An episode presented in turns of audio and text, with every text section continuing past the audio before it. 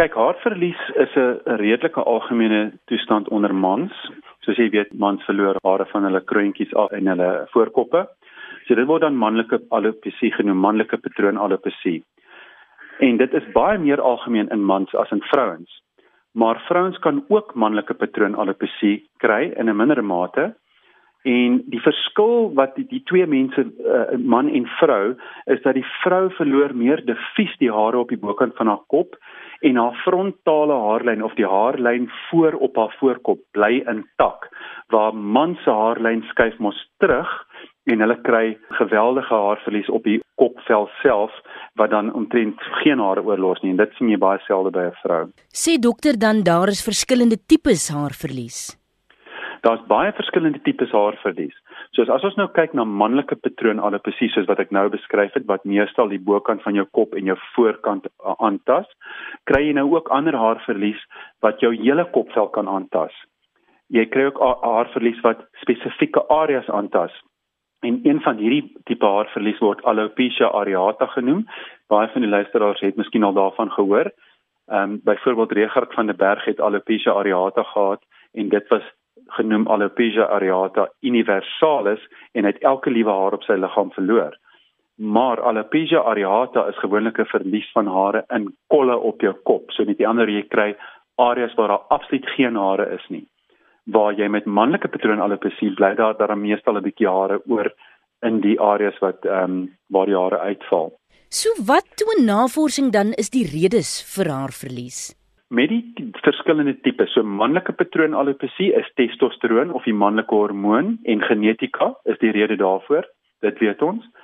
Alopecia areata is 'n ehm um, toestand wat eintlik outoimmuun is en dit is dan ehm uh, 'n toestand wat ons nie kan mooi verstaan nie want want hy is outoimmuun hy, hy kom net van self en dan die ander haarverlies wat 'n mens kry die telogen effluvium waar jy verlies kry van hare reg oor jou kopvel het hoope oorsake soos byvoorbeeld mense wat onderaktiewe skildkliere het mense wat bietjie ystergebrek het ehm um, daai tipe ding. So dit hang af watter jy moet eers geklassifiseer word wat se haarverlies het jy en dan kan 'n mens oor die oorsake praat.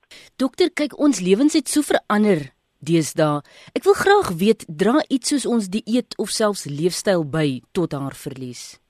In 'n westerse beskawing waar ons dieete redelik gebalanseerd is, ehm um, gaan jou dieet nie regtig 'n groot rol speel nie. Jy weet mense kan partykeer ysterverlies kry omdat hulle nou sê maar vegetariërs is of vegans is en hulle eet glad nie ysterbevattende voedsels nie, maar alhoewel dit ook die mense kry altyd maar yster op 'n ander manier in. So ek sou sê die eet speel baie klein rol in haarverlies, maar wat wel 'n rol speel in haarverlies in ons beskawing, die westerse beskawing is dat daar te veel stres is. Mm. So baie mense het geweldige stres in hulle lewens en dit is dan een van die oorsake van diffuse haarverlies oor jou hele kopvel. So net 'n interessante feit. 'n Mens kan tot 80 tot 100 hare per dag normaalweg verloor, okay?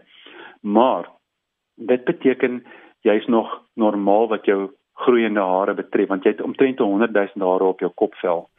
Wanneer jy meer as 100 000 hare oor jou hele kopvel begin verloor, sê 2 of 300 hare, nie 1000 nie, 3 2 of 300 hare per dag, dan het jy 'n toestand wat telogen effluvium genoem word wat dan nou te doen het met stres, crash diets, swangerskap en al daai goed kan dit veroorsaak. Dit is een tipe haarverlies oor jou hele kopvel en dit word telogen effluvium genoem.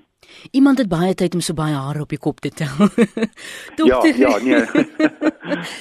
Ons soek altyd 'n oplossing. Hoe kan hare weer teruggroei?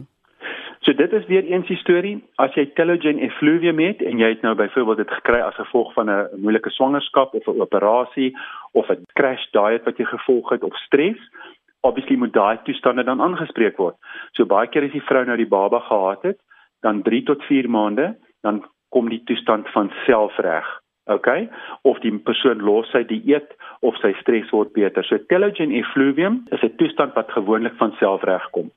Manlike patroonalopesie is heeltemal 'n ander storie want daar probeer jy nou die testosteroon wat die oorsaak is van die toestand blok by die haarfollikel en daarvoor is daar sekere medikasies wat vir mense gegee kan word, mans sowel as vrouens. Maar wat ek wel vir die luisteraars kan sê is dat meeste van die produkte wat jy oor die counter kan ek nou maar sê koop, is eintlik van bitter min waarde. So shampoos en lotions wat jy koop in die apteek het, het eintlik maar bitter min effek op hmm. op enige van hierdie haarverlies.